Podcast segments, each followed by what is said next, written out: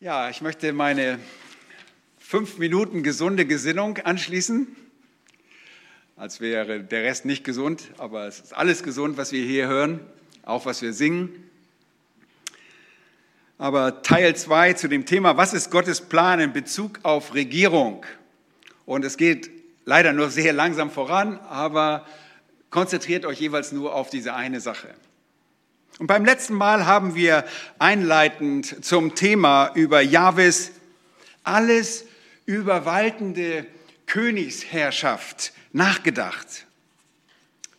Ihr erinnert euch hoffentlich noch daran, Psalm 103 und Vers 19, Jahwe hat seinen Thron im Himmel aufgerichtet oder gegründet und seine Königsherrschaft regiert über alles.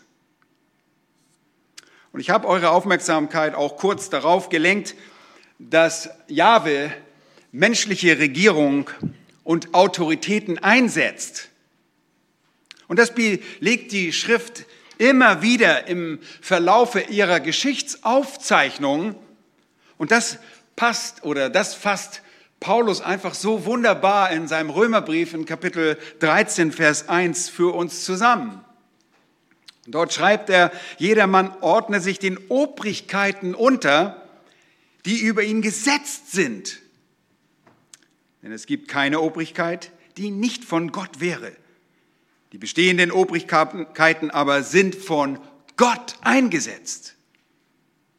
Nun, wie Gott Regierung einsetzt, das möchte ich euch heute in diesen kurzen Momenten zur Ermutigung kurz beschreiben.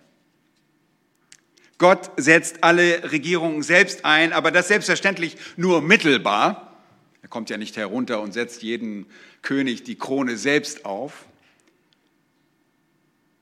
Diese Regierungen existieren zwar unmittelbar aufgrund von Gottes Verordnung, aber nur mittelbar in ihrem Ein- und Absetzen. Nun, was ich damit meine und wie Regierungen entstehen, das möchte ich euch beantworten. Und für die Antwort auf diese Frage kommen wir zu einer der wunderbarsten Lehren der Heiligen Schrift. Es ist die Vorsehung Gottes. Die Vorsehung Gottes spricht davon, dass Gott einen Zweck verfolgt mit allem, was in der Welt geschieht. Sie ist sein Instrument, mit dem Jahwe alle seine Pläne geordnet verwirklicht. In seiner Vorsehung wirkt und regiert er alle Dinge so, dass sich sein Plan erfüllt und alles gemäß seinem ewigen Ratschluss geschieht. Der Mensch und selbst ein Zusammenschluss von Menschen kann die Pläne Gottes nicht vereiteln. Nicht einmal Regieren, Regierungen können Gottes Absichten und Pläne durchkreuzen, selbst wenn sie das immer wieder versuchen. Das Gegenteil ist der Fall. Die Vereitlungsversuche von Gottes Plänen durch den Menschen sind Teil seiner Vorsehung. Gott ist in der Geschichte der Menschen souverän. Er ist niemals apathisch, passiv. Er nimmt keine gleichgültige Zuschauerstellung ein. Er steuert vielmehr aktiv die Ereignisse der Geschichte und greift in einer geheimnisvollen Art und Weise auf die Geschehnisse der Menschen ein. Wie Sprüche 16 uns das in ein paar Worten so effizient ausdrückt. Sprüche 16 und Vers 9. Das Herz des Menschen denkt sich seinen Weg aus, aber Jahwe lenkt seine Schritte.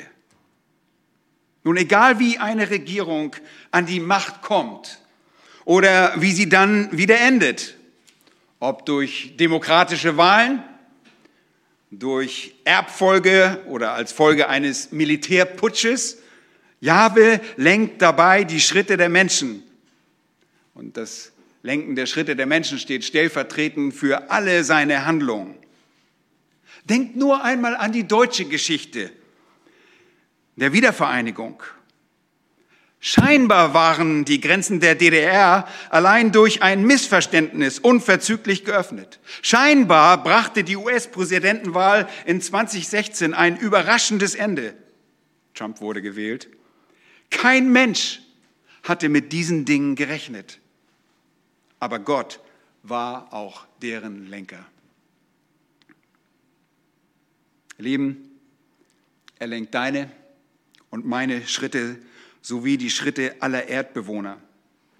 Der Lenker der Geschichte ist Jahwe allein, denn er allein besitzt die Macht dazu.